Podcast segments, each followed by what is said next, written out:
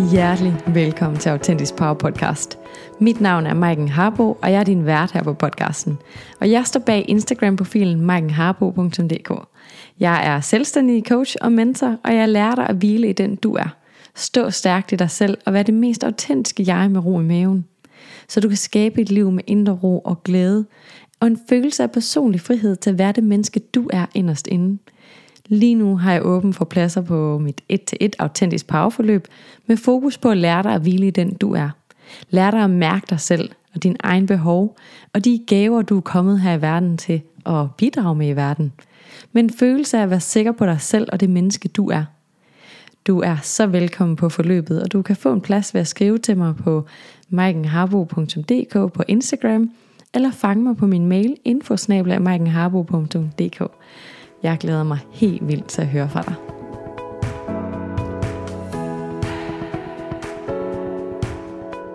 Hej du skønne menneske, og velkommen til dagens episode. I dag har jeg en snak med Dorte Bredgaard omkring tænder.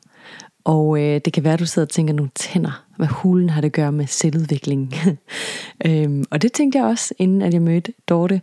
Men det her er en vildt spændende snak om, hvordan krop og sind hænger sammen, også når det gælder vores tænder.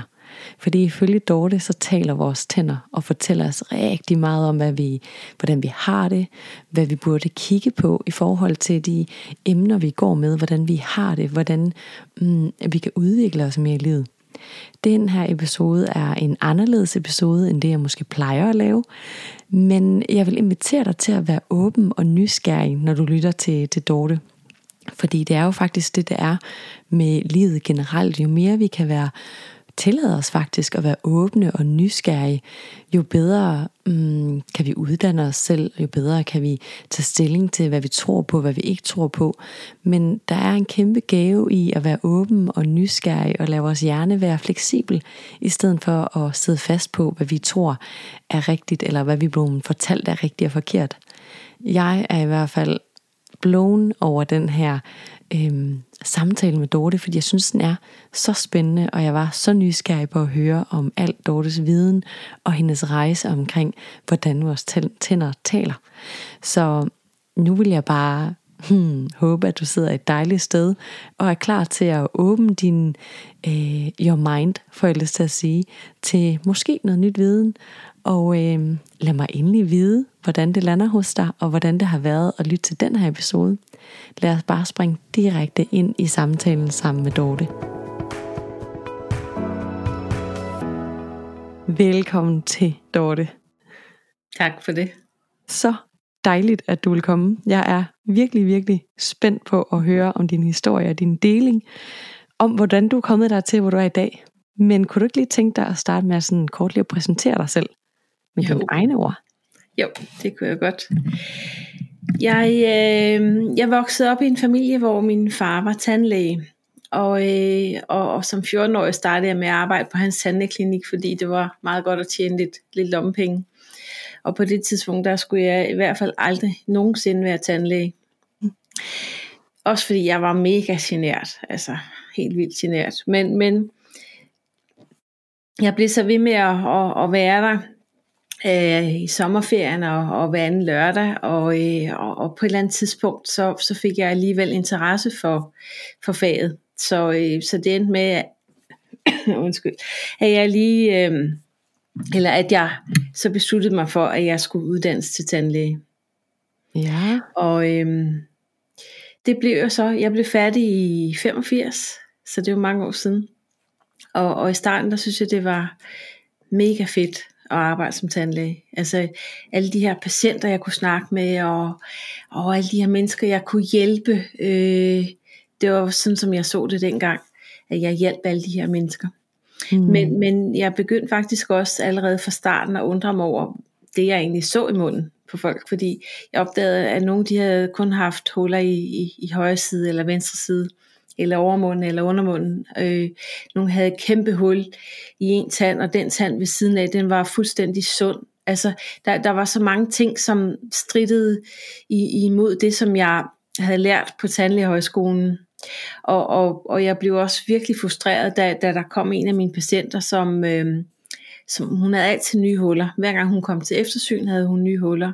Mm. Og, øhm, og så spurgte hun mig en dag, hvordan kan det være? Og så, så spurgte jeg om det, jeg kunne spørge om, når jeg var tandlæge.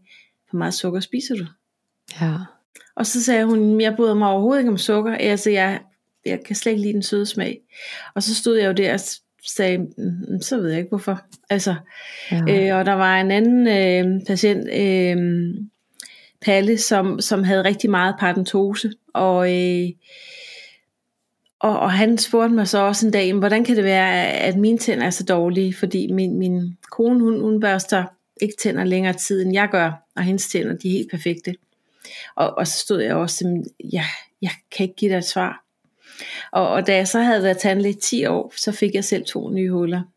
Og jeg vidste, at jeg havde ikke lavet om på mine tandbørstevaner og mine sukkervaner. Og jeg havde faktisk kun haft to huller tidligere, da jeg var 15-16 år. Ja. Så, så, øh, så på det tidspunkt vidste jeg, at jeg var simpelthen nødt til at finde en ny forklaring, som også kunne forklare det, som, som jeg havde undret mig over hos mine patienter. Ja. Og det bragte mig også ud på en kæmpe rejse, hvor, øh, hvor jeg øh, jo begyndte at se det fysiske og psykiske som, som værende øh, altså hænge sammen. Altså videnskaben, den siger jo, at det eller at, at øh, følelser og, og krop, det er ligesom to forskellige ting. Ja, det er lidt sådan, det er jo, op, ikke? At det er, er to det er, forskellige ting, og det, jamen, det er så ja. sindssygt. Så, så da jeg begyndte ja. at, at tænke i de baner, øh, og, og tænke, okay, men det er jo, når, når du ikke får følelserne ud af din mund, det er jo, det er jo altså når du ikke fortæller, hvis du virkelig er bred, eller hvis du er virkelig frustreret, øh, så er det klart, at, at så sker der noget med vores tænder. Så, så, det, så begyndte brækkerne at falde på plads for mig. Men, men altså inden da, der havde jeg, inden jeg sådan knækkede koden til, hvad det egentlig var, jeg skulle, der havde jeg nogle år, hvor jeg var dybt frustreret som tandlæge, fordi jeg kunne bare mærke, at der var ikke rigtig nogen dybde i det her, jeg lavede. Mm. Så, øhm, så jeg begyndte at, at flirte med alle mulige andre ting, så uddannede mig til kraniosakral terapeut, og fandt ud af, at det var lidt for kedeligt for mig, og, og lige pludselig så opdagede jeg, at jeg var jo faktisk midt i, i den her transformation af mit eget liv, og, og, og af, af tandsygdomslæren, som, som jeg havde, havde lært. Ja. Så, øhm, så siden da har, jeg, har det været det, jeg ville. Men, men i starten, der, da jeg egentlig bare gerne ville det her, der var så få, der vidste, hvad jeg lavede. Og, øhm, og det var kun få af dem, der vidste som også synes, det var fantastisk. Altså mange af de patienter, som jeg, jeg luftede det her over for, de var sådan, mm, bare lav mine tænder. Altså de, ja. de var ikke kommet for at få endevendt deres, deres liv. Vel, de, de var kommet for at få fikset deres tænder. Og det, det var ligesom, det var det. Ja, så når du siger sådan indevendt deres liv, så var det faktisk, fordi du begyndte at stille spørgsmålstegn til følelserne, og hvordan de har det, når de kom med noget i munden, ikke? Ja, lige præcis. Ja. Og så fortalte jeg om, den her tand, den står for arbejde, så hvad sker der lige på dit arbejde? Ja. En, der havde et kæmpe hul og som sagde til mig, hun, det gik så godt, sagde hun, hvordan går det med dit arbejde, fordi det her hul. Og da hun så kom for at få lavet hullet, så sagde hun, jamen jeg har altså ikke tid til at snakke i dag. Så øh, ja, det er jo vildt godt. Ikke? Altså, men, men det er jo klart, at, at vi ved jo godt, når vi har et problem, vi ved jo godt, når vi har en kæmpe udfordring på jobbet, som vi ikke magter at gøre noget ved. Mm. Og så kommer der nogen og prikker lige ind i det der ømme sted. Det er der også ubehageligt stiller de der spørgsmål, hvor man bare sådan, ej, det prøver jeg faktisk selv at skubbe ned, så du skal ikke komme her og skinne lys på det. Ja, præcis. Ja. Men det er jo også sådan lidt anmasende, at jeg gjorde det. Fordi nu havde jeg jo set lyset, så skulle de jo også se det. Ja. Men det er jo også vildt interessant sådan, fordi jeg tænker, sidder sådan og tænker sådan, nu er vi bare sprunget sådan med hovedet direkte ned.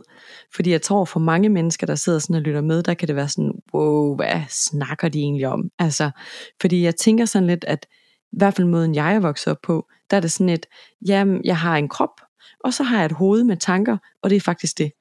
Så har vi nogle følelser, men dem snakker vi helst ikke om. Og hvis vi egentlig skal snakke om dem, så kan vi snakke om, hvor glade vi er, eller hvor godt det går. Alle de sådan lidt i gåsøjne negative følelser, dem fejrer vi lige under tæppet. Så ja. derfra, og så til at gå pludselig og snakke, okay, der er noget med nogle følelser, og så bliver det faktisk vist i mine tænder. wow, tænker jeg. Altså det er stort, ikke? Jo. Øhm, men vildt, vildt interessant. Fordi jeg sidder og tit og tænker på det her med sådan, nu når at vi ikke gør noget af vores følelser, eller forholder os til vores følelser, men bare skubber dem væk, så plejer jeg faktisk at sige, jamen det er lidt ligesom en regning. Hvis du ignorerer regningen og putter den ned under sengen og siger, den, den gider jeg faktisk ikke forholde mig til, så forsvinder den jo ikke bare. Altså, så går der noget tid, så kommer der en rykker, ikke? Og det er faktisk ja. det samme med vores følelser, ikke? Hvis vi ikke forholder dem til os. Fantastisk billede. Ja. Ja. Altså, og jeg tænker sådan, det, det du så er jo nået frem til i dit arbejde, det er jo faktisk, at det så viser sig i munden. Ja, og tænderne er jo sådan noget for de fleste, altså de fleste, de ved ikke noget om deres tænder. Øh, det, det, det er noget, vi har udliciteret til tandlægen. Ja. Vi har ligesom sagt, jamen, øh, det ved jeg, jeg har ingen forudsætning for at vide det.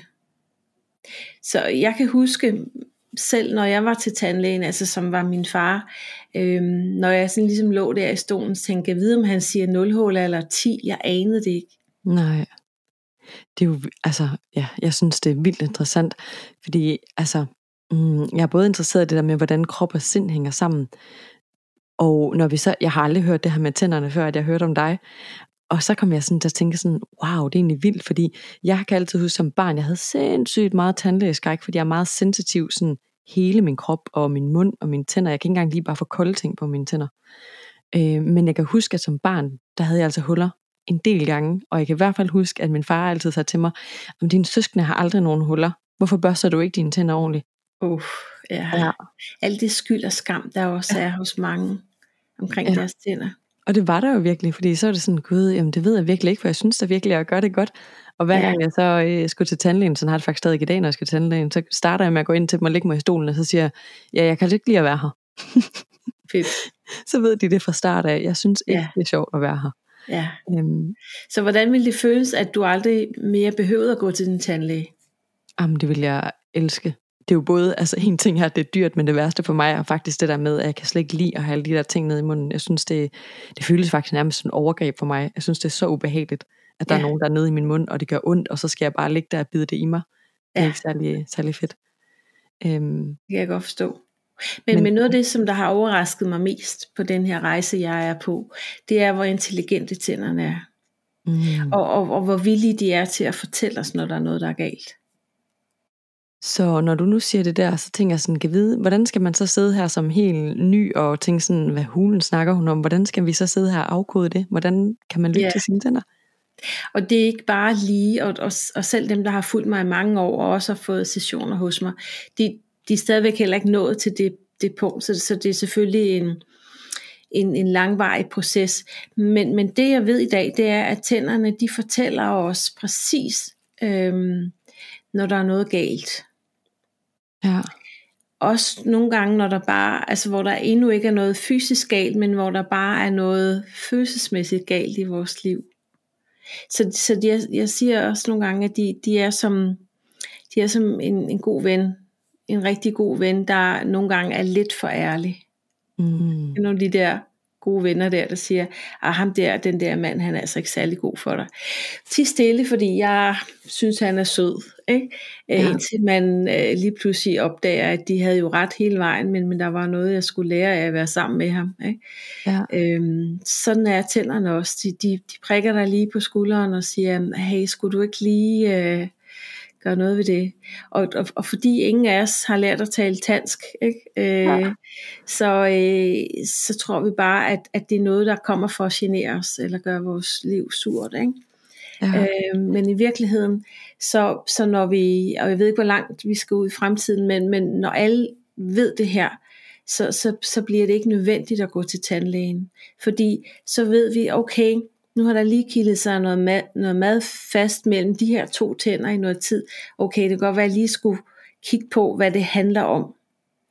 Og, og når vi så kigger på det, så, øh, så forsvinder det. Fordi det at have sunde tænder, det er vores normaltilstand. Ja. Det er simpelthen vores normaltilstand, uanset om vi børster dem eller ej.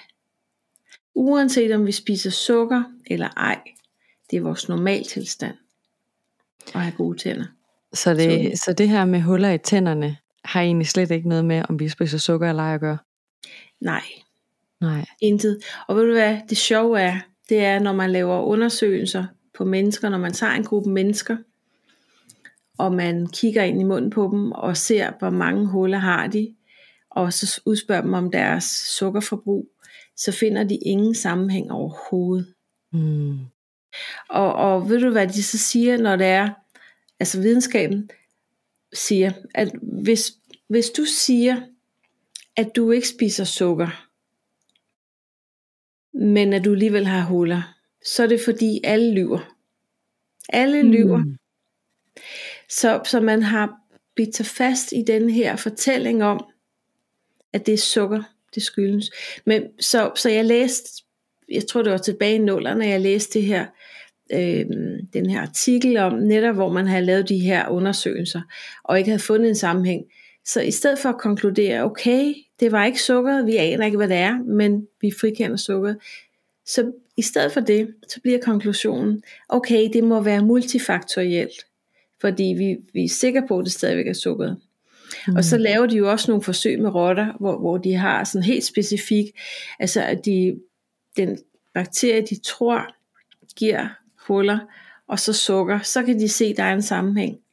Men, men at det giver jo ikke nogen mening, hvis ikke at det her forsøg passer til virkeligheden. Nej. Det er meget interessant. Så de her følelser vel, eller de ting, som måske sådan, hvor vi går, hvor vi ikke helt trives, eller hvor der er nogle ting at kigge på, det kan både komme frem i øh, huller i tænderne, eller mad, der sidder fast de samme steder mellem tænderne, ja. og også paradentose, ikke? Jo, altså det jeg har opdaget, det er, at der er en grundfølelse bag enhver tandsygdom. Ja. Og så har vi så vores egen individuelle følelse oven i det. Mm. Det er jo, altså, vildt interessant, fordi at jeg har jo faktisk, øhm, inden jeg kontaktede dig, som jeg gjorde, fordi jeg synes, ah, det er, det er virkelig spændende, der hørte jeg nemlig snak om parentose et andet sted, hvor at du linkede det sammen med offerholden. Ja. Ja. Og det vagte jo virkelig min opmærksomhed, fordi at jeg jo netop, er det to år siden, jeg var til tandlægen, og fik at vide sådan, du har begyndende parentose.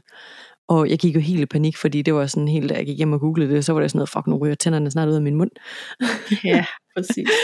øhm, men jeg ved ikke, om du lige vil udfolde det lidt, når du jo, nu siger, at det hænger det sammen. Det godt.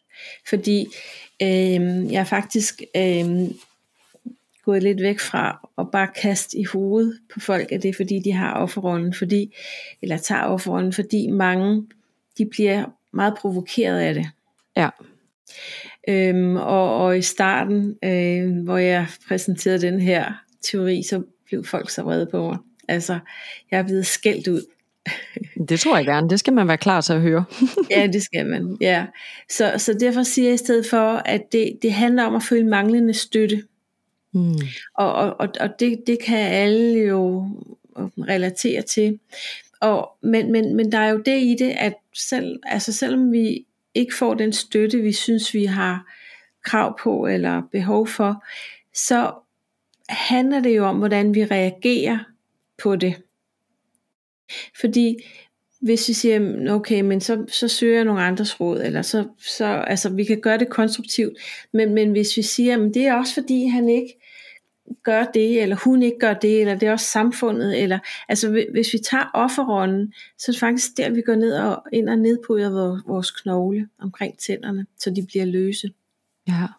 Og øhm, som tandlæge siger man, parentos kan ikke helbredes. Mm.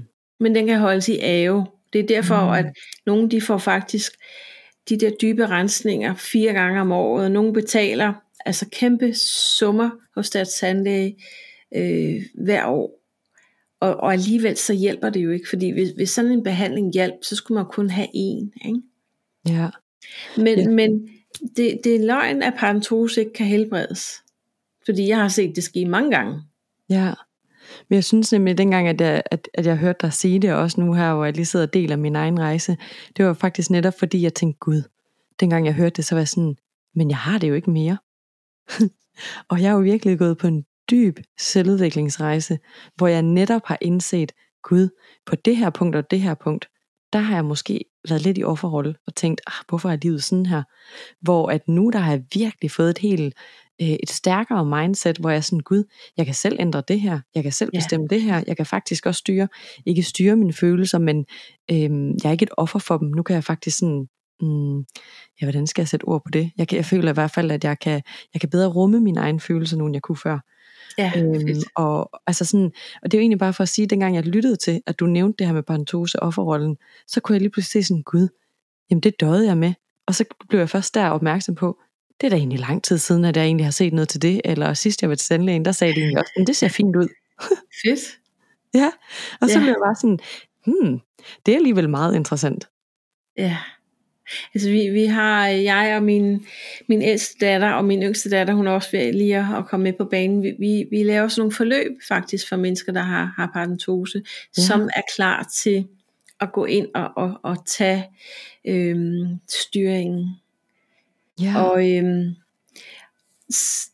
det, det, det er jo interessant også, fordi vi bliver jo også selv mere skarpe på, okay, hvornår er det, jeg træder i offerrollen? Fordi det tror jeg på, at vi alle sammen gør, måske dagligt. mm, Øh, I hvert fald øh, gør vi det jo, jo nemt. Ikke? Og, og, og så, altså jeg har faktisk mange af dem, som jeg har snakket med, som har parentose, de siger, nej, jeg kender sig ikke offerrollen. Nej, det, det gør jeg overhovedet ikke. Og, og så tror jeg, jeg tror på, at man lyver for sig selv, når man siger, at man overhovedet ikke kender den.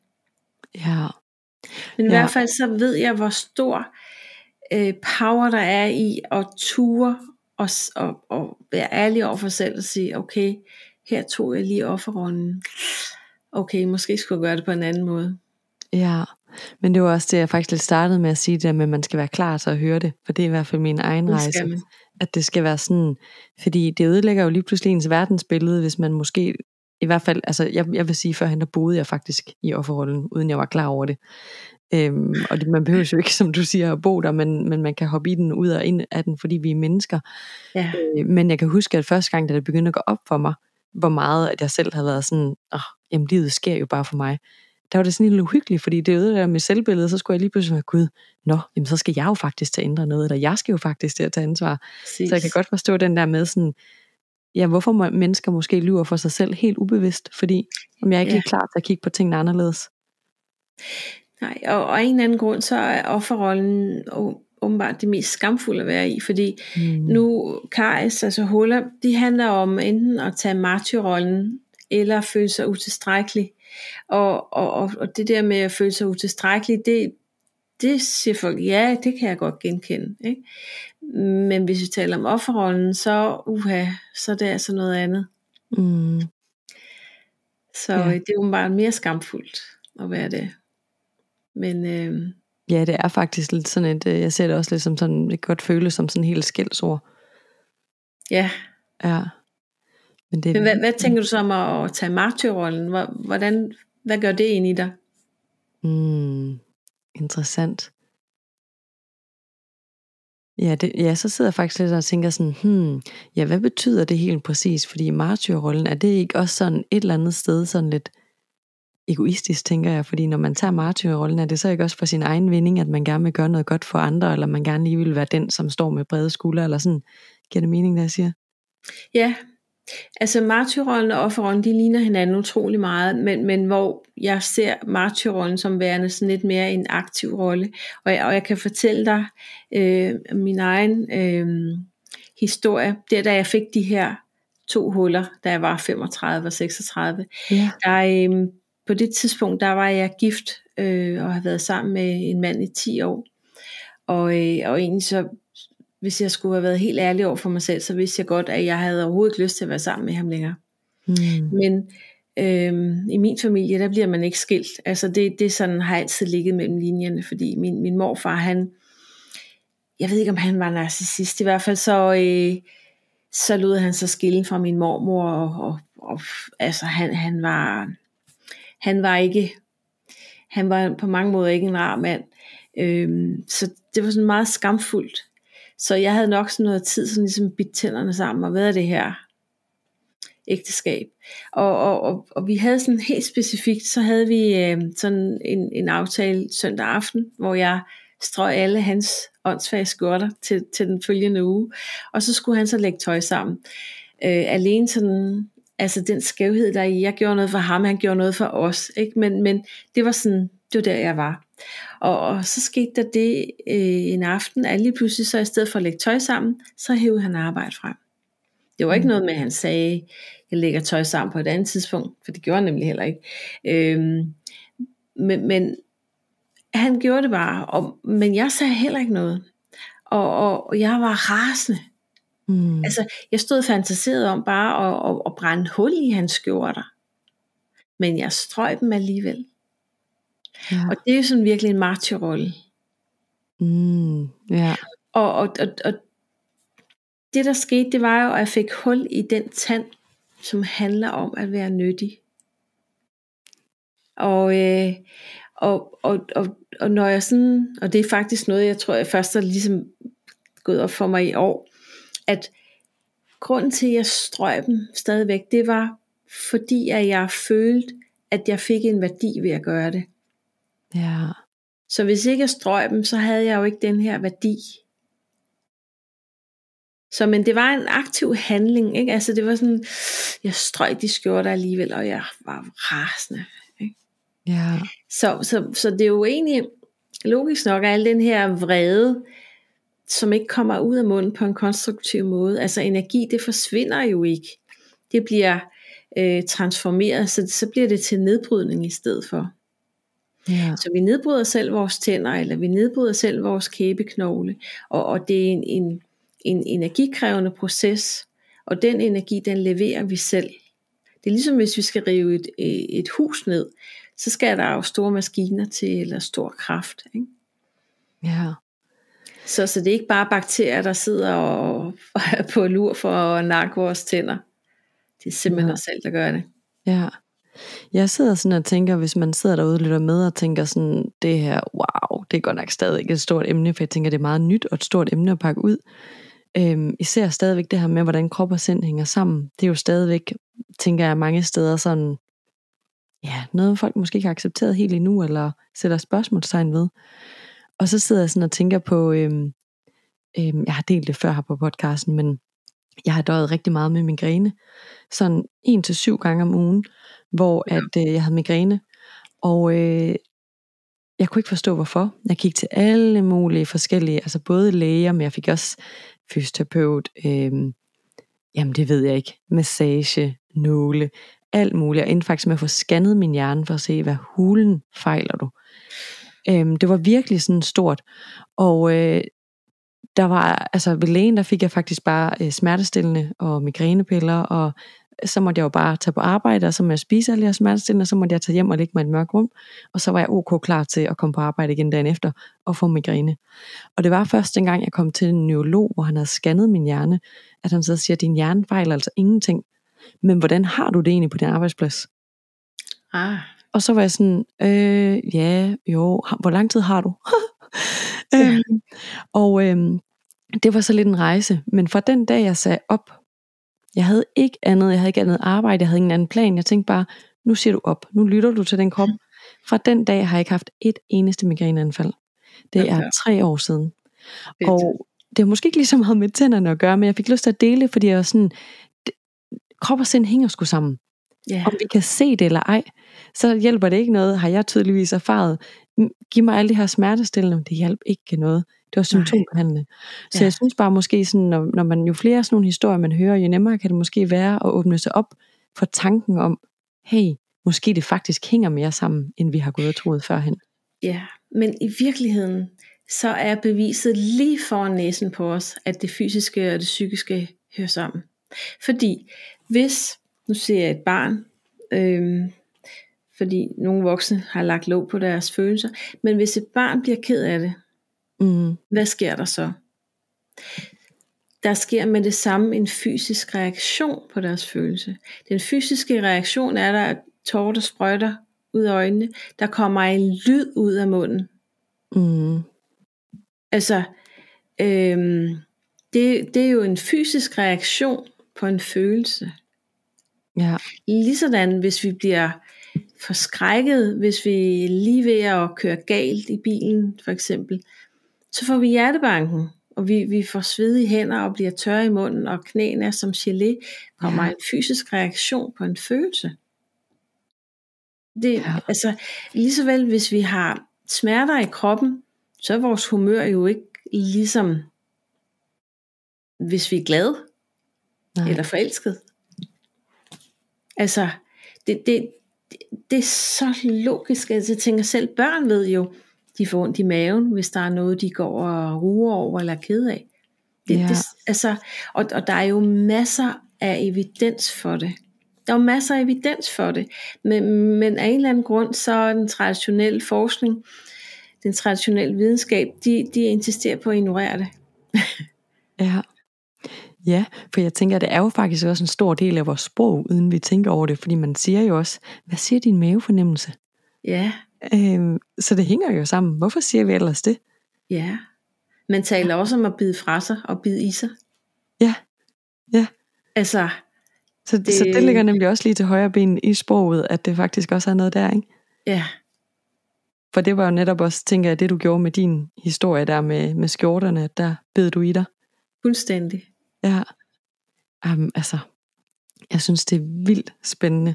Helt vildt. Øhm, man kan vide, altså, når, når folk så kommer til dig, så kommer man med, hvad end man har af et eller andet tandproblem, og så er det simpelthen dig, der kan hjælpe med at afkode, hvad det betyder, hvor man har hul, eller hvad det nu er. Ja, Ja.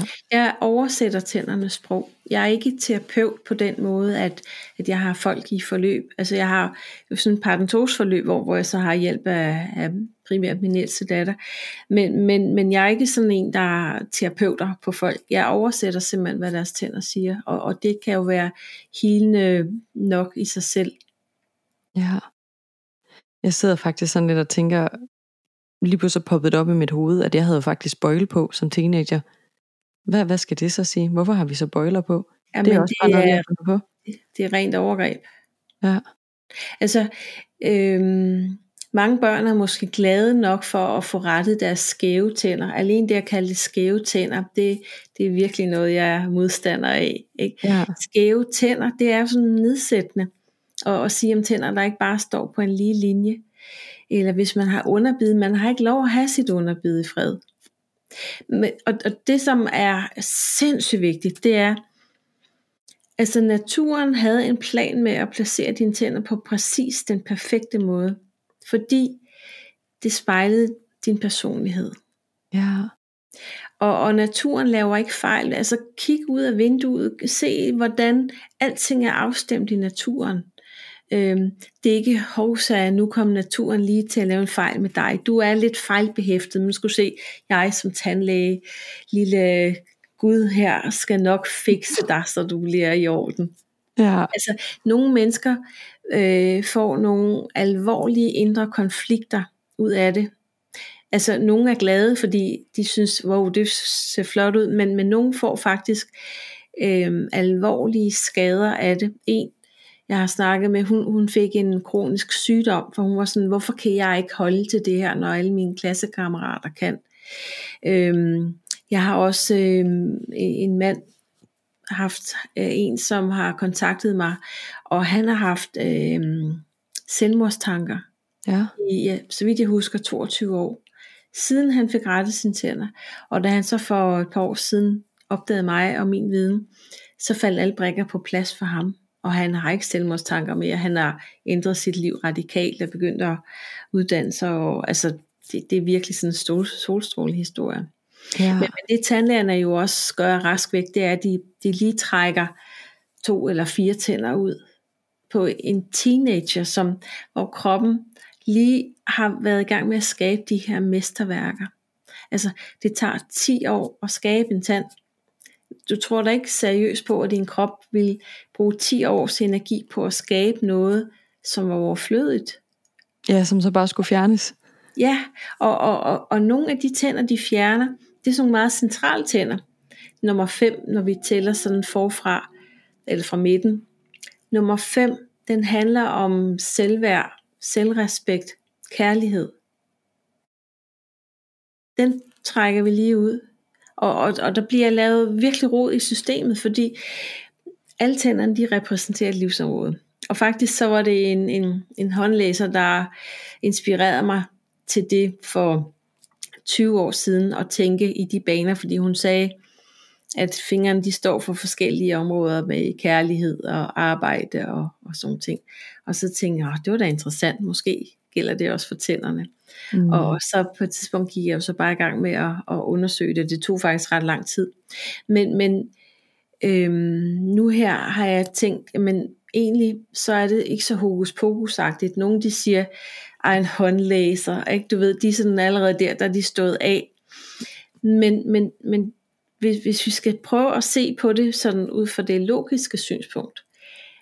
Babyer bliver ikke født med tænder i munden.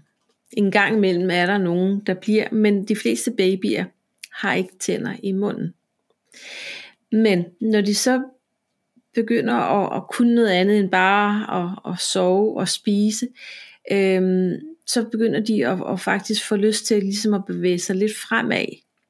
Altså så, så begynder de sådan at tage tilløb til at kravle. Og, og de første tænder, der kommer i munden, de to fortænder ned i undermunden, de handler om den udfarende kraft. Det der med at bevæge sig fremad. Senere, så, så, øh, så får man så fortænderne i overmunden, de to fortænder der. Og det er den udtrykkende kraft. Det handler om at tale og udtrykke sig.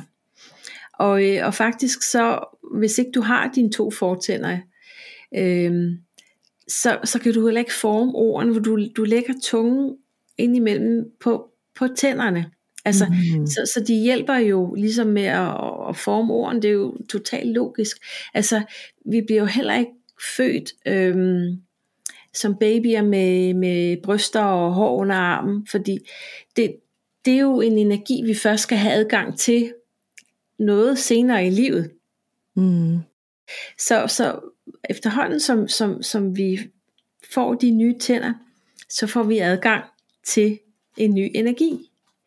Og, og nu hjørnetænderne, øh, dem der sidder sådan her på hjørnet, dem der nogle gange er spidse, de øh, repræsenterer vores viljestyrke.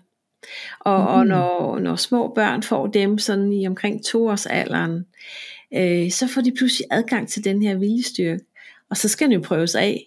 Og, og så er det det, man kalder trodsalderen. Det er så der, hvor de ligger på gulvet og er hysteriske over, at, at de ikke måtte få det her i supermarkedet. Ikke? Det er specielt min yngste, hun, øh, hun har ligget rundt omkring og, og været rasende over, øh, når hun fik et nej. Ja. Så, så, så gør vi det til noget forkert, så det er sådan lidt, uha, så det, så det er lidt øh, skamfuldt, at de ligger der. Og, og når vi får de nye tænder, altså når, når, når børn får deres 12 tænder, den handler om, om deres autoritet, eller vores autoritet.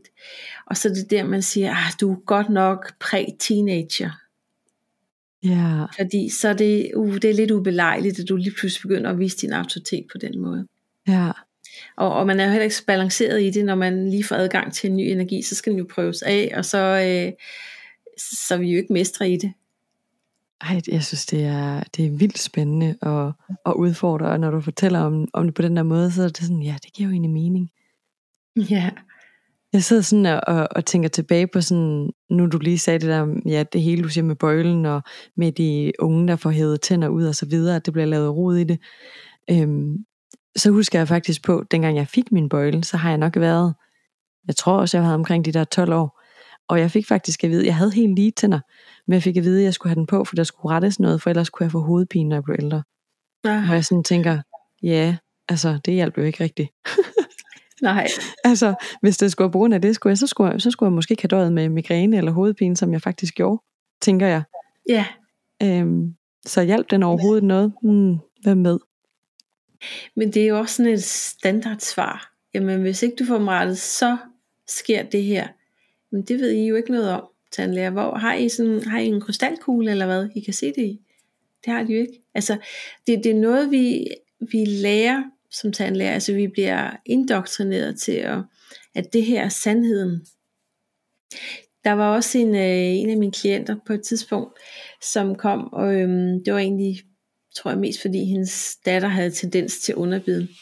Og den her kvinde, hun var fra Filippinerne, og hun havde mm. selv haft underbid som var blevet rettet Øhm, og hun sagde, på Filippinerne, der er det helt normalt at have underbid, så da hun kom til Danmark, og, og alle sagde til hende, uh, du skal få rettet det her, så var hun sådan, nej, det skal jeg ikke. Altså, hun levede fint med sit underbid. Men så skete der alligevel det nogle år senere, at hun var på en ferie med, med en kæreste, og lige pludselig så fik hun sådan nogle låsninger i kæben. Og ja. så tænkte hun, åh ja, så fik de jo alligevel ret, de der tandlæger. Så, så da hun så kom hjem, så gennemgik hun jo så, altså det er jo, for nogle er det kæmpe voldsomt at få rettet et underbid. Det, det er både noget med først at have togskinner på, og når tænderne så sidder rigtigt, øh, så bliver de opereret, at de får simpelthen spaltet hele kæben, og så flyttet den baglæns. Jeg har set det som, som tandlægestuderende, var jeg på kæbekirurgisk afdeling i dag, og, og, og så den der operation der. Jeg synes, det var fuldstændig redselsfuldt. Altså fordi vi ved jo også, at med en operation, så, så er man jo inde og skære og gøre noget, og der er så mange risiko, risici for, at det kan gå galt. Og under alle omstændigheder vil der altid komme nogle spændinger i vævet. Ja. Så, men, men den her klient her, hvor jeg så sagde, men, men jeg tror ikke på, det havde noget med dit underbid at gøre. Jeg tror mere, at du følte dig fastlåst i situationen. Ja, sagde hun. Ja, uha, men da jeg, også, da jeg kom hjem fra ferie, så slog jeg op med den der kæreste, fordi det, var, det gik slet ikke. Ja. Så hvis hun havde vidst det dengang, så havde hun sluppet for at, at få gjort, få fikset sine tænder. Ah, så var det også den der, altså den fastlåselse, hun havde i kæben, var den følelse af at være fastlåst også? Ja, præcis. Hun var afsted på ferie med en mand, som, øh, hvor det, hun har helt klart følt sig fastlåst, fordi i hvert fald så sagde hun, ja, uh, det gav så meget mening for hende. Ja, det er faktisk ikke så lang tid siden, jeg havde en samtale med en, jeg kender om, om øh, og problemer med, med kæben og fastlåsthed. Og jeg tror, hun beskrev det som, at hun ikke kan gabe særlig højt. Hun har fået at vide af sin tandlæge, hvis du ikke skal have din kæbe, den, den ligesom spænder, så må du ikke gabe for højt, så hun gaber aldrig særlig højt. Nej. Øhm, og, og jeg tænker sådan, at der er jo, hun har jo haft et problem med den fastlås, ikke? Ja. Men er det så, så skal man ind og kigge på, hvor føler jeg mig fastlåst i mit liv? Ja, og, og ofte når det har noget med kæbeledet at gøre, så handler det om en konflikt, ligesom mellem den ydre verden, og så øh, hjemmet, eller vores sådan base. Øhm, og, og til det kan jeg sådan lige illustrere med en, en historie fra det virkelige liv. Øhm, det her var, var en af mine patienter, som, som jeg skældner mellem klienter og patienter. Patienter mm. var dengang, dengang jeg arbejdede som tandlæge. Ja. Øhm, men, men hun havde sådan noget, der klikkede i hendes kæbeled. Og, og da vi så dykkede ned i det, hvor øh, jeg, jeg arbejder med et pendul, og så spurgte jeg mit pendul, jamen hvornår startede det her? Og så siger den 12 år, der, altså da hun var 12 år. Og så siger man, hvad, hvad skete der, da du var 12 år? Så fortalte hun, at øh, altså, hun, hun var fra Polen, og de var katolikker. Øhm, og, og på det tidspunkt, der havde hendes mor faktisk fundet en anden mand. Så hun, moren hun flyttede mellem faren og den anden mand frem og tilbage. Men med den her pige, hun måtte ikke sige noget. Altså fordi når man er katolik, så må man vist nok ikke blive skilt. Øhm, så så hun, hun blev fanget i alt det, der skete, alt det skamfulde, der skete i hendes hjem, og så ikke at måtte sige noget i, i, i den ydre verden. Mm. Så hendes kæbe, den klikkede? Ja. Ja. Men, men nu med hensyn til det der med ikke at kunne åbne, der, der havde jeg også på et tidspunkt en klient, øhm, som kom, og hun, hun havde været hos en tandlæge, som sagde, at hun skulle have rodbehandlet en tand, og skulle han ikke bedøve den, han havde visket hende syv bedøvelser eller sådan noget. Og så havde hun bare fået så mange spændinger i sin kæbe, så hun ikke kunne åbne munden. Mm.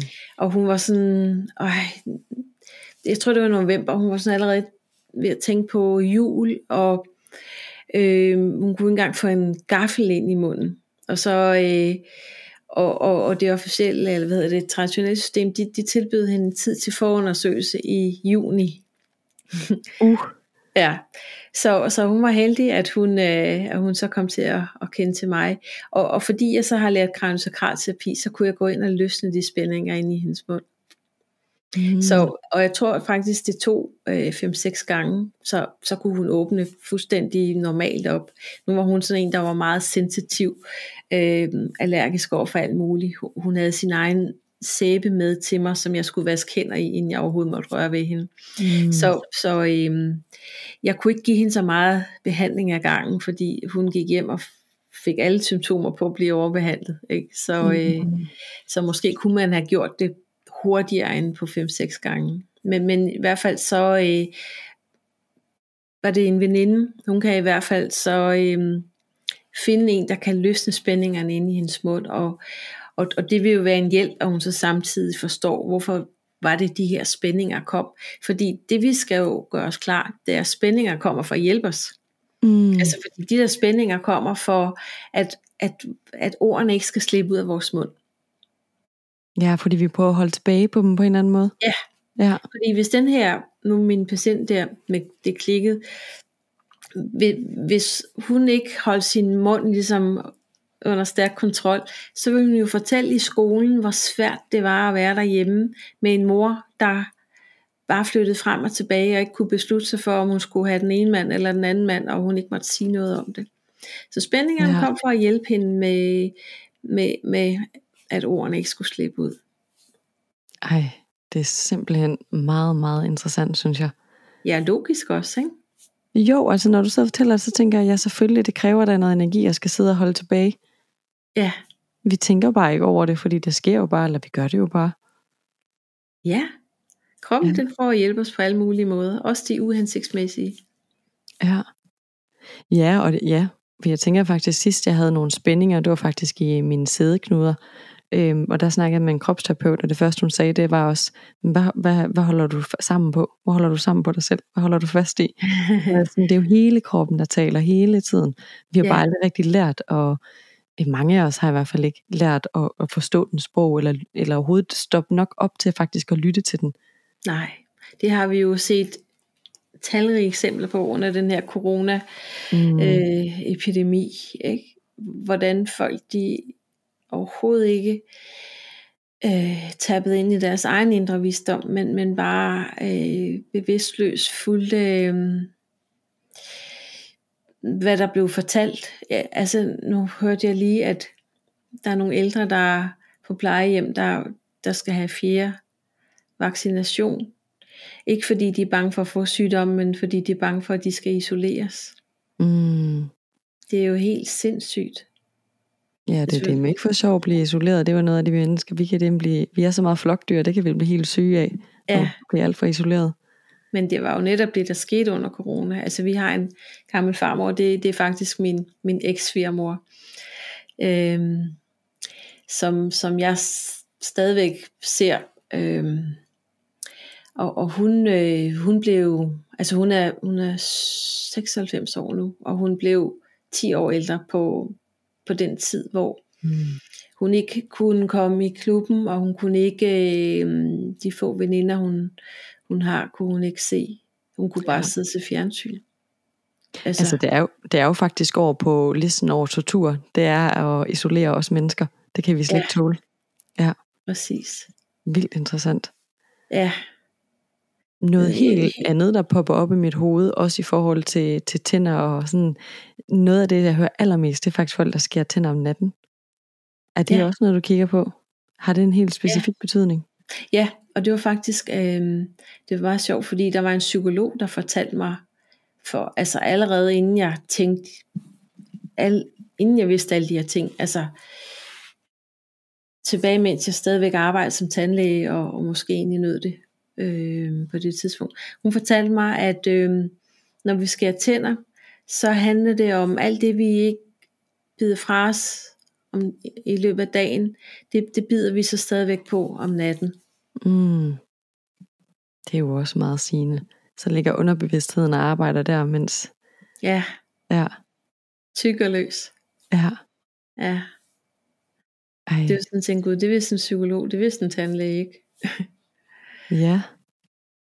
Ej, altså jeg synes jo, mm, jeg synes jo tit og ofte, når man, nu siger man, når, ja. jeg synes tit og ofte, når jeg snakker om, hvordan krop og ting, sind, sind hænger sammen, hvis jeg ellers skulle sige det, at jeg møder nogle mennesker, der er sådan, ej, nu må du også tage dig sammen, eller ej, puha, det er noget pjat, og sådan. Jeg synes jo, det kunne være vildt spændende, hvis mange mennesker bare kunne være i det mindste åbne i stedet for at fejre tingene væk med det samme, men så faktisk bare begynde at være nysgerrig og åbne og tænke, jeg behøver sikkert at tage at sluge alt det her og sige, om alt det her, som de siger, det er nok bare rigtigt, eller måske bare det, du fortæller om tænderne. At vi behøver jo ikke sluge det og sige, alt det her, det er bare rigtigt. Men hvad ville der ske, hvis vi var åbne og nysgerrige? Bare yeah. undersøgende på, hmm, hvad vil nu, hvis hun har fat i noget? Hvad nu, hvis alt det, vi har fået at vide af tandlægen, eller alle mulige andre mennesker igennem vores liv, hvad nu hvis, altså, vi jo nysgerrige på, hvor har de egentlig det fra? Ja. Altså, hvornår har vi bare et det råt, det de siger? Ja, præcis. Ja. Det, jeg, jeg, jeg læste inde på Facebook, der var en, der havde tagget mig et opslag. Der var, der var et opslag om en kvinde, som øh, ikke havde børstet tænder i, i 10 år. Hold op. Og, øh, og, og, og så smilede hun så på billederne, man kunne se, at hendes tænder var fuldstændig perfekte. Ja. Og, øh, og det var interessant at læse den tråd, der var øh, under den her artikel, fordi folk de var faktisk vrede. Altså, de var sådan, det der, det er løgn. Øh, ej, hun var virkelig lukket grimt ud af munden. Øh, mm. Ej, det er virkelig fake. Og, altså, folk de var så vrede. Det er jo også sjovt, at man sådan bliver decideret vred over det. altså. Det er hver gang nogen piller ved vores verdensbillede, det kan vi ikke ja. lide. Ja. Altså, jeg kan huske, jeg tror det var allerede i første klasse, der kan jeg huske, vores lærer fortalte, at dengang nogen begyndte at sige, at jorden var rund, der blev de øh, skældt ud og lagt for had. Og jeg kan bare, altså jeg kan huske det stadigvæk, selvfølgelig fordi det også har, har betydning for mit liv, men, men jeg var bare sådan, jeg var så undrende over, hvorfor, hvorfor blev folk brede over det. Men, ja. men det er jo sådan meget menneskeligt åbenbart, at, at når nogen siger sådan noget, som måske i virkeligheden, som vi ikke har lyst til at sige ja til, fordi jeg tænker, altså nogle, nogle mennesker er også blevet virkelig vrede over det, jeg, jeg siger, ikke? Men, men hvis jeg nu gik rundt og sagde, at månen den er lavet af grøn ost, mm. altså så var der ikke nogen, der ville blive vrede på mig, men bare sige, oh, hun har vist tabt den. Altså, ja. hun, er, hun er sgu lidt nuts. Ikke? Ja. Øhm, der vil de ikke blive vrede. Men når jeg siger, øhm, tandbørstning er ligegyldig, eller sukker giver ikke huller, øhm, så bliver de vrede. Og, og, og det må være fordi, at der er noget inde i dem, der godt ved det rigtigt. Men at de mm. har bare overhovedet ikke lyst til at se på det. Altså i, i 2017, der, der lavede jeg en engelsk Facebook-gruppe, fordi jeg tænkte, altså min viden, den skal jo ligesom mm. også ud i verden. Øhm, og det jeg ikke var forberedt på, det var, at der var sindssygt mange engelske tandlæger, der, der meldte sig ind. Altså på tre dage, der havde jeg 500 medlemmer. Og da jeg så, at der var tandlæger blandt, så tænkte jeg, yes, fedt mand, de kom for at, hjælpe, eller for at lære noget. Ja. Og så tænkte jeg bagefter, altså hvor naiv har man virkelig lov at være? Fordi uh-huh. de kom jo overhovedet ikke for at lære noget. De kom jo for at, at, at kontrollere, hvad jeg sagde, og så svine mig til, og svine dem til, dem der, der stillede spørgsmål. Det var ret voldsomt. Det kunne jeg godt forestille mig var virkelig voldsomt. Ja, der var ovenkøbet et par stykker af dem, der har skrevet artikler om mig. Eller en artikel om mig. Og øh, i dag er jeg jo stolt over det, men, men det, føles, det føles lidt voldsomt. Så jeg ja. blev sådan helt paranoid, så jeg sad og, og slettede dem og blokerede dem, og hver gang nogen ansøgte, så var jeg inde og google dem af de tandlæger. Det var sådan helt paranoid. Ikke? Ja. Men det er jo også lidt den der, altså sådan, hvis du begynder at stille spørgsmålstegn til de ting, som du nogle gange stiller spørgsmålstegn ved, så er det jo også hele deres verdensbillede. Så er det jo hele deres uddannelse, så er det hele alt det, de laver, som de det pludselig skal... Ja, ja, så er det, det sådan, godt. Så står man måske der som menneske, og hvis alt det, jeg har lært er forkert, eller i hvert fald ikke er lige så rigtigt, som jeg måske troede, det var, hvad hulen skal jeg så, og hvad er så sandt, og hvad skal jeg så arbejde med? Og, altså, ja. så tænker jeg, så er det hele deres verdensbillede, der pludselig bliver sådan, åh ja. oh, nej, så vi bliver nødt til at lukke hende ned nu. ja, Altså. Og det forstår jeg godt, og jeg husker selv som tandlæge, øhm, at der var en dag, der kom en, en patient, som øhm, hun havde været hos en biopat, tror jeg, eller en eller anden, en eller anden alternativ, du ved. Og hun mm. havde sådan en liste over med, hvordan hun skulle have skiftet sin fyldning af, hvilken, hvilken rækkefølge.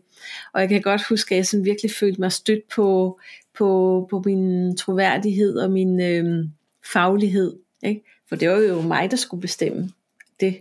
Altså dengang du arbejdede som tandlæge? Ja. Ja. Inden at jeg begyndte at forstå øh, alle de her sammenhænge. Ja. Så følte jeg, det var, altså, det, det er jo sådan noget med, at man tager sin hvide kittel på, ikke? Det, nu bruger man ikke så meget kitler mere, men, men man tager sin autoritet på, og, og jeg kan også huske, øhm, i mange år, der, der brød jeg mig ikke om at gå rundt i, i tandlægeklinikken, uden at jeg havde mit tandlægetøj på. Mm. Fordi det var jo ligesom min autoritet, der, der lå der. Ikke? Ved du hvad, jeg sidder faktisk og tænker på den måde, som vi fungerer, i hvert fald i Vesten, hvor meget vores titel betyder for os. Ja. Fordi når du møder nye mennesker, noget af det første, der bliver sagt, er jo, hej, hvad hedder du? Hvad laver du så? Ja. Hvad arbejder du med? Og Præcis. det kan jo nogle gange oversættes lidt til, hvad kan du så? Hvad er du så værd? Hvad status har du? Ja. Altså sådan, så jeg sidder sådan og tænker sådan, det er jo klart, at det betyder meget for mennesker, så lige pludselig, apropos de der tandlæger, ikke? Fordi vi er ikke vant til, at vi er noget værd, bare fordi vi er mennesker, og vi trækker vejret, og vi kan alt muligt andet end vores profession. Men det er som om, at det tillægger vi så meget værdi, at det er helt uhyggeligt. Ja, men det er jo også i skred nu, ikke? Fordi øhm, alting er i skred. Og, og jeg er faktisk ikke tandlæge mere, fordi en af de der engelske tandlæger, han, øh, han blev så rasende over, at øh, jeg skrev, at der ikke var evidens for, at sukker giver huller. Mm. Øh, så han øh, meldte mig til myndighederne. Ja. Så øh, den engelske tandlægeforening, og som gik til den danske mm. tandlægeforening, som så gik til Sundhedsstyrelsen, og så ville de gerne lige se, hvad det var, jeg lavede. Ja. Og så indkaldte de seks af mine journaler, og så var det jo bare om at finde så mange fejl, de kunne. Ja. Øh, det var sådan helt ned i stavefejl-agtigt. Øhm, og, og de konkluderede så, at øhm, min journalforhold var stærkt kritisable. Så nu fik jeg lige et halvt år til at forbedre mig, og, og så ville de undersøge mig igen. Ja. Og, og hvis ikke, at jeg havde rettet ind, så, så ville de tage min autorisation. Ja. Og jeg, jeg valgte så at skrive til dem med det samme. Min, min autorisation, den kan I bare få med det samme. Ja. Så, øhm, så, så jeg har ikke ret til at kalde mig tandlæge, hvilket ikke er noget problem for mig. Altså, jeg har arbejdet 25 år som tandlæge. Ja. Det der er jo ingen, der kan tage fra mig. Ingen instanser ja. kan tage det fra mig. Så, så jeg har det helt fint med ikke at, at være tandlæge mere, fordi jeg synes også, at en tandlæge, der er jo sådan nogle et sæt regler, og selvfølgelig er der jo det, når du har en autorisation, så skal du arbejde inden for et sæt regler. Mm. Og så skal man tro på, at fluer er skide godt for tænderne.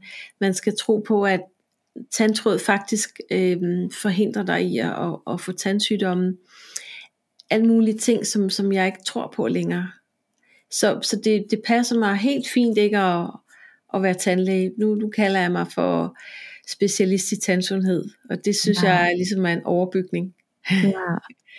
men, men det er ikke så vigtigt, og, og, om jeg kunne lige sætte tandlæge på altså min titel. Det, det er vigtigere, at jeg kan hjælpe de mennesker, som, som jeg kan hjælpe så meget bedre, end dengang, da jeg var, var tandlæge. Ja.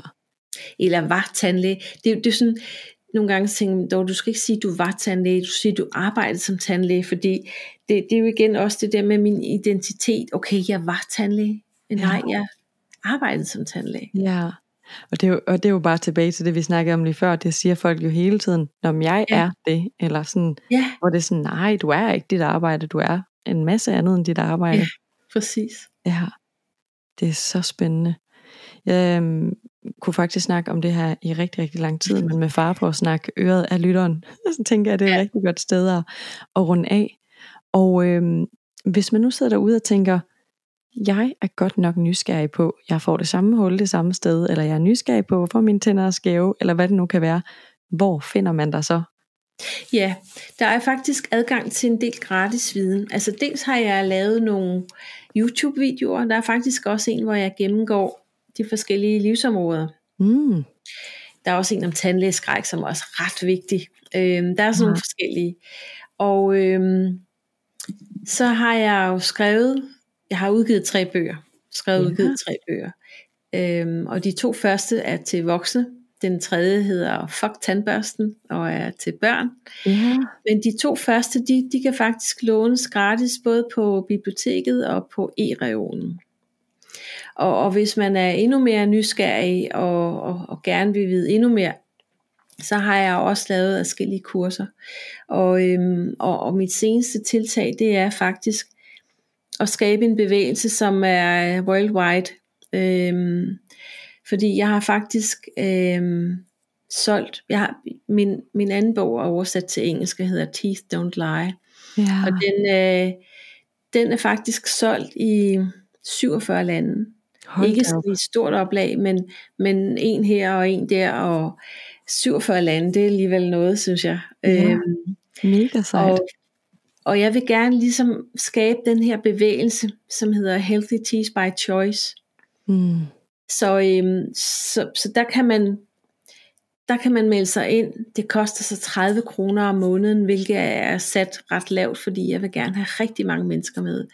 Og, og så får man simpelthen øh, hver måned får man øh, lov til at stille spørgsmål i en time, eller altså dem der er der, det, det fedeste er, når folk de skriver spørgsmålene til mig up front, fordi så fortæller jeg øh, om, om det de emne, som, som er vigtige. Så, så jeg, jeg skal virkelig skabe den her bevægelse, som, som er i hele verden, fordi jeg, jeg synes, at vores tænder fortjener at blive lyttet til, ikke? Og, og som du selv siger, det er virkelig ubehageligt at, at blive boret, det er også dyrt. Altså, Ja. jeg troede faktisk, da min første bog udkom, at, øh, at det ville blive en mega succes, netop fordi, hvor fedt er det at gå til tandlægen, ikke? Men, ja. men det, det gjorde det ikke. Altså jeg har, den er udsolgt, og det er min anden bog også, øh, som paperbacks. Men, men øh, jeg har, har solgt af, af paperbacks af den første bog, der har jeg solgt 2.000, hvilket jeg jo ikke synes er, er så mange, som i hvert fald jeg havde regnet med. Og så er der selvfølgelig også en masse e-bøger, der også er blevet solgt. Ikke? Det ved jeg ikke, hvor mange er. Men Nej, øhm, folk, ikke, at skal ligesom- det, at det udfolder sig, og det kommer mere og mere. Fordi der er jo også lidt, synes jeg i hvert fald, jeg kan fornemme en, en bevægelse i, at vi begynder at blive mere nysgerrige på krop og sind på, på mange områder. det er så meget stigning. Ja. Altså det her år i år, det, der, nu har du spurgt mig, om jeg vil medvirke i din podcast. Ikke? Jeg er blevet interviewet flere gange, end jeg, end jeg lige kan huske. Altså både på, på dansk og på engelsk. Ja. Så, øh, så det her år, det er ligesom eksploderet lidt, eller hvad man kan sige, at, hvil- hvilket er jo virkelig fedt. Ja. Ej, jeg er så glad for, at du vil være med i hvert fald og dele din viden med Ja. os. Og jeg tænker, at det er jo kun et, et spadestik, så jeg øh, skriver dit navn og info ned i show notes, der hvor man lytter til, til podcasten, så man kan finde dig. Ja, tænker, der er det her, min- det vil jeg gerne vide Min mere om. hjemmeside, ikke? og der kan man også, der er nemlig nem adgang til at finde YouTube-videoerne inden for min hjemmeside. Ja, den linker jeg lige til, så man kan finde den her i podcasten. Det er dejligt. Tak, Dorte, fordi du vil medvirke. Det øh, var så spændende. Ja, velbekomme. Og tak fordi du inviterede mig. Ja, selvfølgelig. Det er altid dejligt at, at få lov bare at sidde og tale om tænder. Altså, det føles jo slet ikke som arbejde, vel? Det Nej. føles jo bare som øh, en passion. Ej, og så får jeg lyst til at slutte af på afslutningsvis, at sådan har jeg det også med mit arbejde. Og sådan havde jeg det ikke førhen. Fordi jeg er opvokset med, at jamen, arbejde, det er jo sådan noget, du skal overstå. Det er jo sådan noget, du skal gøre for at leve. Det er jo sådan noget, vi alle sammen bare skal. Og nu er jeg bare sådan, nej, det behøver det virkelig ikke være. Nej. Det er så tit, at jeg arbejder, men jeg ikke tænker over, at jeg arbejder, fordi jeg elsker det, og jeg brænder for det, og det kan jeg høre, at det er det samme med dig. Og tænk, hvis vi alle sammen gjorde det. Tænk, hvis vi alle sammen bare elskede at arbejde. Altså, Ja, bare forestil dig den øh, kvalitet, vi ville levere. mm, Ja. Men, men faktisk så ser jeg jo også i mine sessioner, at fra det vi trådte ind i, i 19, der ændrede energien sig. Fordi lige pludselig så var alle dem, som havde problemer med deres tænder, øhm, det var på grund af, at de var pligtstyret i stedet for lyststyret. mm, Så, så Ja. jeg tror, tiden er inde til, at vi skal smide alt det der pligt væk. Og, øhm, og, og, og så behøver vi nemlig ikke have sådan en 37 timers arbejdsuge. Altså, jeg ved ikke, hvor mange timer jeg arbejder aldrig, eller altid.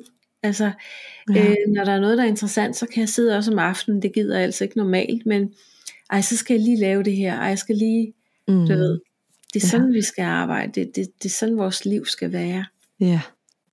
Og når vi begynder at tænke på det faktisk, hmm, igen være åben og nysgerrig, kunne det måske være en mulighed at leve på den måde? Så kan det faktisk være, at man lige så stille og roligt begynder at åbne sig op for, at ah, der er det, jeg er interesseret for. Det kan jeg faktisk også lave til et arbejde. Og hvor ville det være meget federe at komme ind til, jamen det ved jeg ikke, nu får jeg lyst til at sige tandlæge, fordi det er nu, det er engang det vi snakker om, men tænk hvis man kommer ind til en tandlæge, som virkelig tror på sit arbejde, eller brænder for det, versus den, der kommer ind og siger, nå, ja, så blev det jo mandag igen, det her, det skal jeg jo. Jeg tænker, ja. det er to forskellige mennesker, man kommer ind til, om det så er tandlæge, eller om det er bageren, eller buschaufføren. Ja. Eller så sådan. Hvad hvis nu du skulle opereres i, i dit hjerte? Vil du så helst have den, der var passioneret omkring det, eller en, der sådan kiggede på klokken, fuck mand, der er fem timer til jeg er fri, ikke? Ja, så altså, er det altså- fredag, og så skal jeg videre.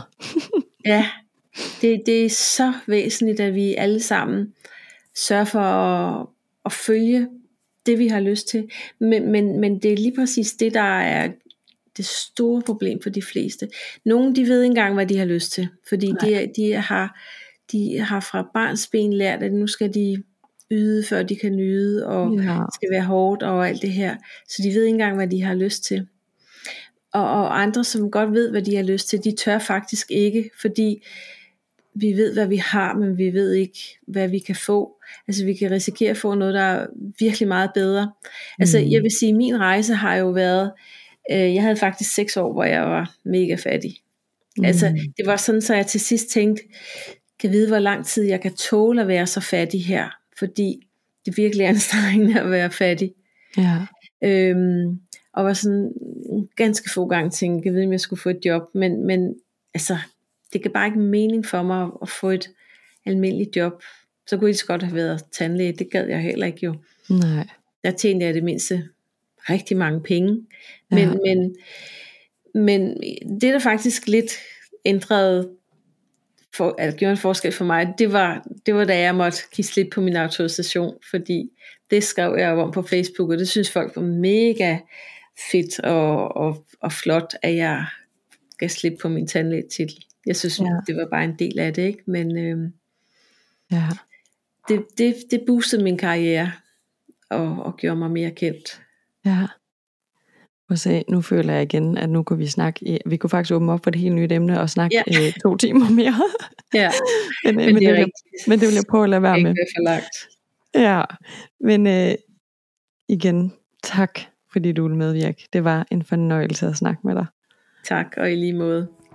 Hej. Hej.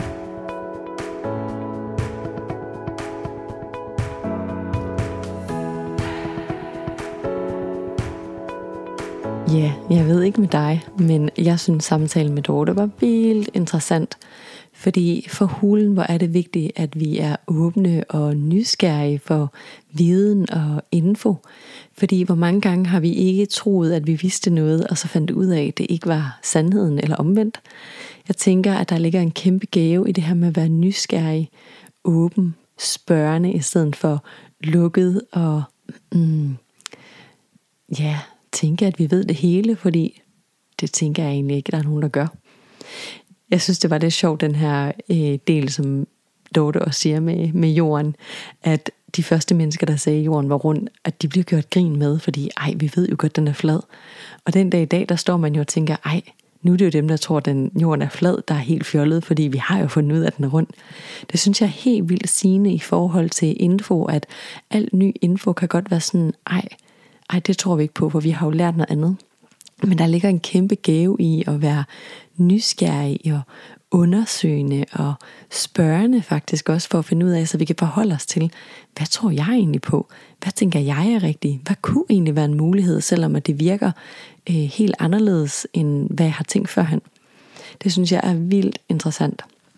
Og jeg kunne helt vildt godt tænke mig at høre, hvad du synes om den her podcast episode. Hvilke tanker det har sat i gang hos dig. Du er så velkommen til at skrive til mig på maikenharbo.dk inde på Instagram, hvordan det har været for dig at lytte med, og hvilke tanker det har sat i gang hos dig. Du er også velkommen til at kontakte mig på min mail. Øhm, jeg vil elske at høre fra dig. Og nu sidder jeg bare og tænker, hmm, kan vide, om du har lyttet med til de andre episoder, for vi er ved at komme op på en hel del episoder herinde på podcasten efterhånden. Så hvis du har lyttet med til flere end den her ene, så kunne jeg helt vildt godt tænke mig, at du gik ind der, hvor du lytter til podcast, og, og gav den måske fem stjerner, bare lige swipede fingeren hen over stjernerne, fordi det betyder nemlig ekstremt meget for mig personligt, at podcasten får fem stjerner, for det betyder nemlig, at den kommer endnu mere ud i verden, det vil sige, at dens budskab bliver bredt ud til endnu flere mennesker. Endnu flere mennesker kan få lov til at lytte med åbent og nysgerrig øh, til alle de her spændende interviews, der er på podcasten indtil videre. Så det vil betyde sindssygt meget for mig personligt, hvis du vil være så sød at gå ind og give podcasten en review eller fem stjerner, så den kan få lov til at leve ude i verden og komme ud til endnu flere mennesker. Det kan også være, at du kunne have lyst til at dele den på de sociale medier, eller kender nogen, som vil have gavn at høre nogle af de her afsnit, som jeg har delt ud efterhånden. Det vil betyde rigtig meget for mig. Men i hvert fald, tak fordi du lyttede med, og vi lyttes ved igen på næste fredag.